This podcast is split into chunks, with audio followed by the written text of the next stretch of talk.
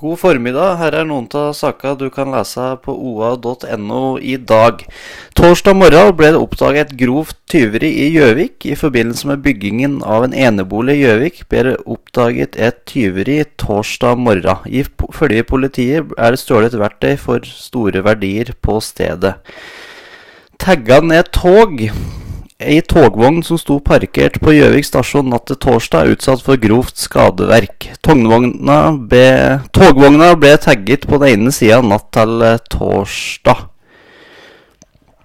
Vil åpne gymsalen mot elva for matgjester, og da er vi på Raufoss. Og det er Arnfinn Stråmyr som sier at den gamle gymsalen på Brubakken skole har potensial for å bli et sjelfullt serveringssted. Det sier han til, til OA.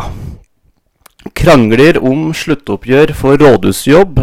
Krever millionbeløp av Gjøvik kommune. Det er firmaet Ragn-Sells miljøsanering som mener de ikke har fått fullt oppgjør for jobben de har utført med rehabilitering av rådhuset i Gjøvik. I august møtes partene i retten.